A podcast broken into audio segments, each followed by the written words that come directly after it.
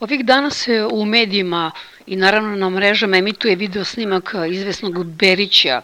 iz nekog vojnog kampa kraj Moskve. On nam kao neki turistički vodič pokazuje kako je lep ruski šator vojni i poziva pravoslavnu braću da se pridruže njemu i nekolicini Srba koji se tamo već nalaze. Dakle, da se pridruže oružanim snagama Ruske federacije. On je detaljno objašnjavao šta ih čeka kad slete u Moskvu, znači potpisivanje ugovora sa ruskom vojskom, plata, staž, pravo na rusko državljanstvo posle šest meseci i slične stvari. Naravno, tu su uvek i prigodne one reči kako se Kosovo brani u Ukrajini. Međutim, neki od tih obilića koji se nalaze u tom ruskom vojnom kampu za obuku nisu žele da im se vide lica. Očigledno su svesni da to što rade je kažnjivo po našim zakonima, odnosno to je krivično delo, samo su onako uzgred pozdravili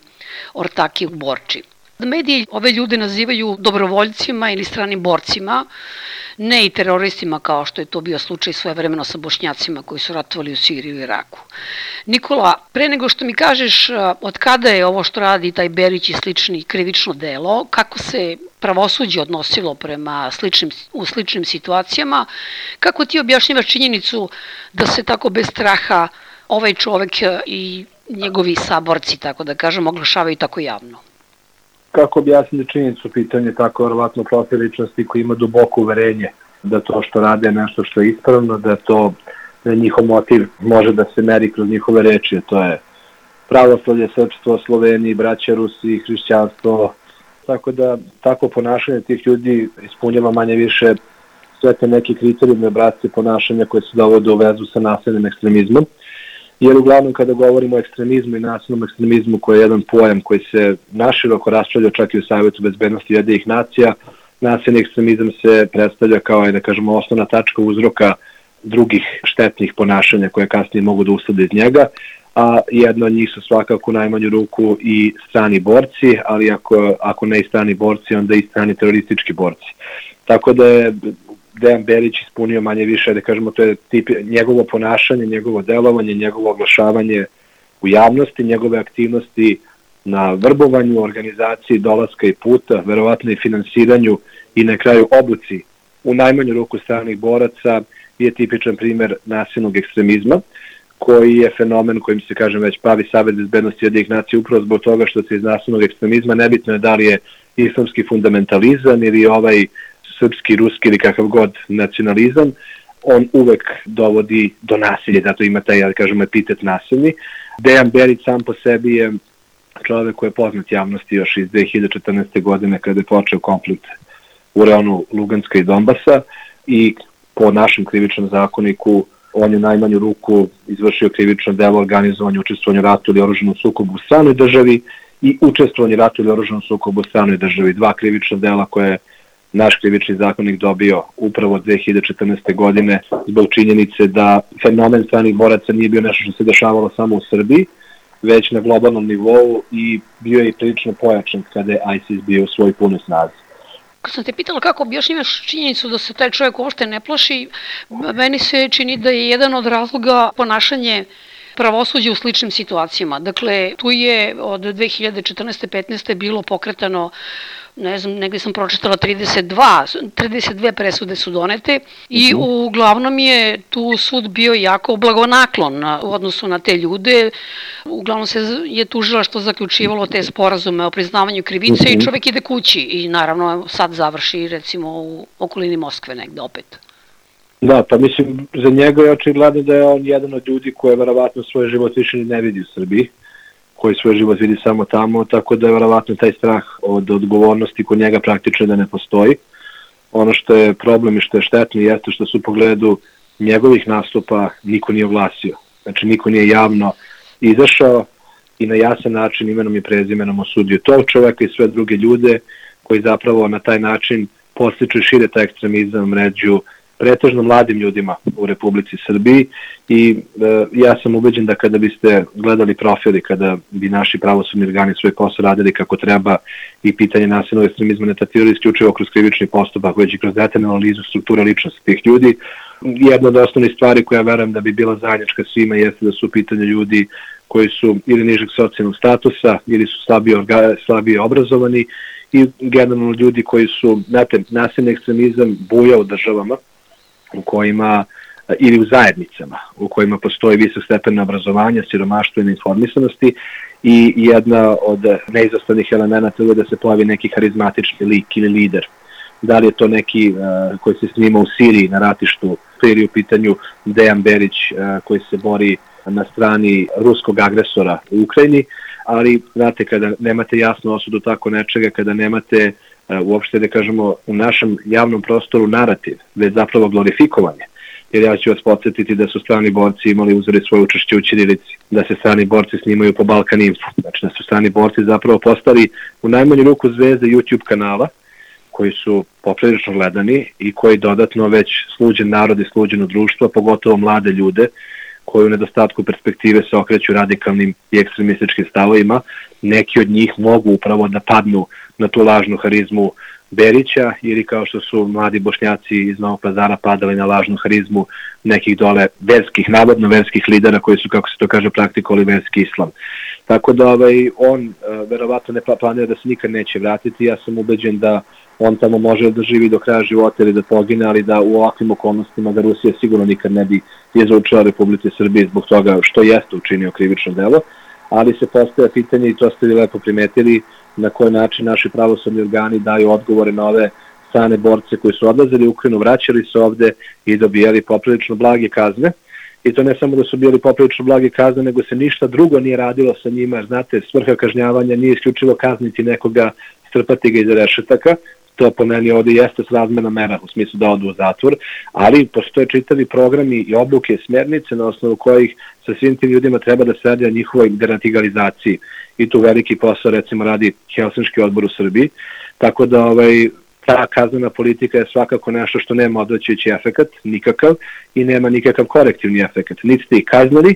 niti ste radili sa njima da to ne ponove i uopšte nije ni čudno što s vremena na vreme se u javnosti pojavi snimak u kome se ili Berić ili neki tamo drugi po znacima navoda harizmatični ekstremista ovaj, snima i pokazuje vrlo verovatno neke mlade izgubljene ljude koje je odvukao tamo, ako se ne varam, prošle godine na ulicama Beograda osvano i mural mladog momka koji je poginuo na ratištu u Ukrajini. I to je samo dokaz zapravo da se ova država ni na koji način ne bavi fenomenom ekstremizma ni ovog desničarskog, srpsko-nacionalističkog, a kako da vam kažem, mislim da se čak i bošnjačko društvo daleko bolje, pogotovo zbog pogibije momaka koji su otišli u Siriju, bio jedan sjajan dokumentarac insajdera koji se bavio tom temom, gde je zapravo otac, ja mislim da se dečka zove Eldin Kundaković ili Eldin Kundaković,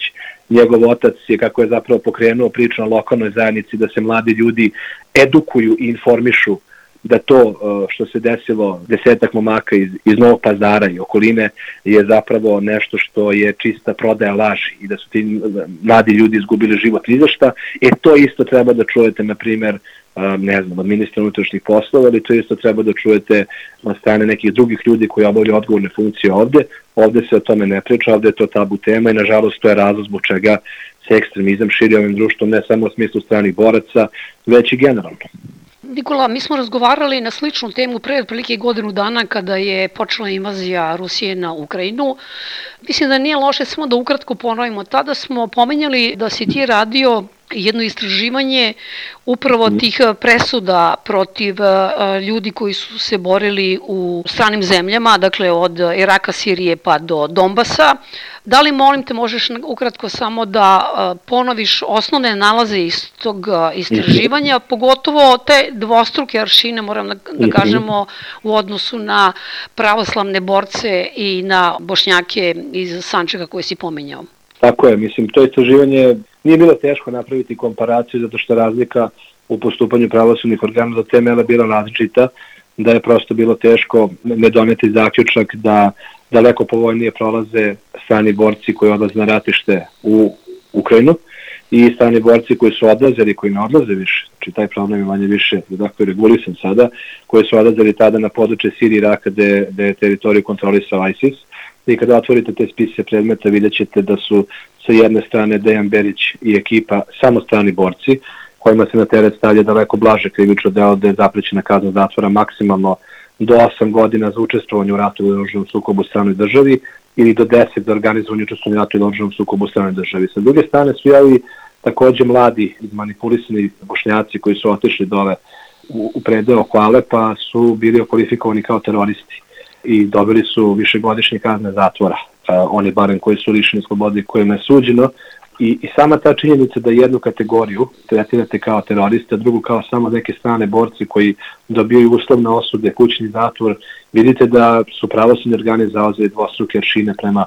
s jedne strane tako islamskim stranim ratnicima, sa druge strane ovim pravoslavnim srpskim, bratsko-ruskim stranim ratnicima i kada vidite tako nejednako postupanje, to je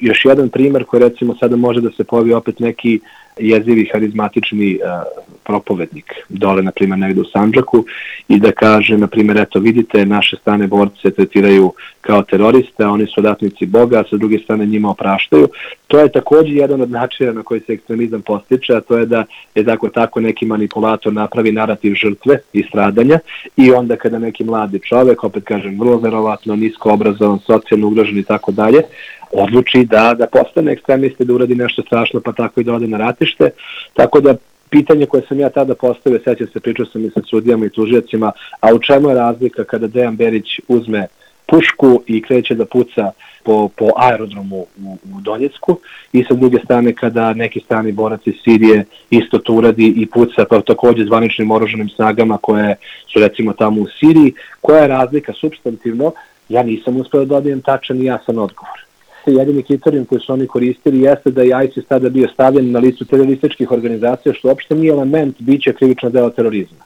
Jer to, jer sam ja onda njima postavio pitanje, dobro, ajde zamislite sad scenario, da se napravi mađarska grupa, neka tamo, ne znam, ja, velika mađarska, i o, okupira Subotiću i kaže ovo je sada naša teritorija, nije teritorija Srbije. Kako biste vi kao pravosudni organi tretirali takav akt? Da li biste to tretirali kao terorizam ili kao, ne znam, još, onda bi rekli terorizam? Pa kako kada ta organizacija za Veliku Mađarsku nije stavljena na listu jednih nacija turističkih organizacija. Znači to ne sme da bude kriterijum, gde se terorizam meri kroz akte kojima vi zapravo napada na život, telo, kroz otmice, kroz e, korišćenje eksplozivnih materija, kroz napad na ustavni, društveni i ekonomski integritet suverene, nezavisne zemlje, širite strah i paniku da biste postigli neki politički cilj, ja ne vidim razliku između onoga što su radili bošnjaci za ISIS i, i, i šta rade Srbi, takozvane patriote za Donjetske, Luganske ili kakve već proruske snage koje su takođe na nezavisnoj teritoriji, teritoriji nezavisne države Ukrajine napadali njene zvanične snage, raketirali njenu infrastrukturu, maltene ta zemlja je potpuno uništena. Tako da ti dva struke aršini su očigledni i ti dva struke aršini po meni takođe oslikavaju kakav pogled i ti pravosudni organi kao predstavnici sudske grane vlasti imaju u odnosu na ljude koji rade isto, ali se verovatno razlikuju po e, tako veri i ideološkim opredeljenjima. Da se vratim na ono što si ti malo čas rekao, a to je odsustvo bilo kakve reakcije državnih organa na ovo što smo videli od, od tog Dejana Berića i sličnih. Niko se nije oglasio, ali ono što je isto zanimljivo, zapravo bi trebalo da pitaju i rusku državu, olično, ne znam, u ruskom ambasadoru, ako je to tačno, da su ti takozvani strani borci ili dobrovoljci potpisali ugovor sa zvaničnom ruskom vojskom. Da li to onda nama prijateljska Rusija zapravo podržava i nagrađuje ljude koji krše krivični zakon Srbije? Apsolutno, mislim, ne bih ja toliko ulazio to šta mi treba da kažemo Rusiji, ne stranih boraca u svakom konfliktu na svetu, ima i na jednoj i na drugoj strani. Ono što je bitno da se kaže, e, jeste da je Savet bezbednosti jednih nacija doneo rezoluciju kojom je svaki vid i fenomen stranih boraca, od samog uzimanja učešća u ratu, preko obuke, finansiranja, organizacije, putovanja i tako dalje, to je apsolutno zabranjeno po pravno obavezujuće odluci Saveta bezbednosti. Tako da ako se pozivamo na 1244 stalno, mislim da treba da se pozivamo na nekoliko rezolucije koje su definisale strane borce, bez obzira da li se u njihovom delom ispunjavaju elementi terorističkog delovanja ili ne, kao apsolutno zabranjeni fenomen koji dovodi do toga da se rat produbljuje, da se trajanje, da se trajanje rata produžava, da se stradanja povećavaju. Republika Srbija time što ima pasivan odnos ili nedovoljno proaktivan odnos prema ovim ljudima, doprinosi savanju dalje konflikta u Ukrajini. I možda ima kakav god hoće stav zvanično neutralan ili pristrasan ili ovakav ili nakav, ovo je činjenica. I ovo nije nešto što pričamo vi i ja, ovo je nešto što je reklo naj pravno obavezujuće telo koje postoji na ovoj planeti zemaljsko, ali na koje se očigledno pozivamo kad nam odgovara, a neke druge rezolucije ignorišemo i ovaj, na taj način pokazujemo takođe dvostruke aršine u interpretaciji pravno obavezujućih akata Saveta bezbednosti Ujedinjenih nacija, tako da naravno ja e, se slažem sa vama da kada bi ja bio u poziciji da vodim ovo društvo, da bi nas svakako na, na, na određeni način komunicirao sa bilo kojom državom, pa tako i sa Rusijom, koja na neki način i tako dajući državljanstvo, platu, ugovor ili šta god, postiče moje državljane, državljane moje zemlje, da tamo idu da ubijaju, da tamo idu pa da se onda ovde vraćaju i da taj ekstremizam šire kroz ovo društvo. To je štetno na svakom nivou i to je nešto što je siguran sam da sam ja u poziciji bih takođe u najmanju ruku i da zatvornih rata istakao kao problem. Nikola, mnogo hvala na razgovoru. Hvala vam.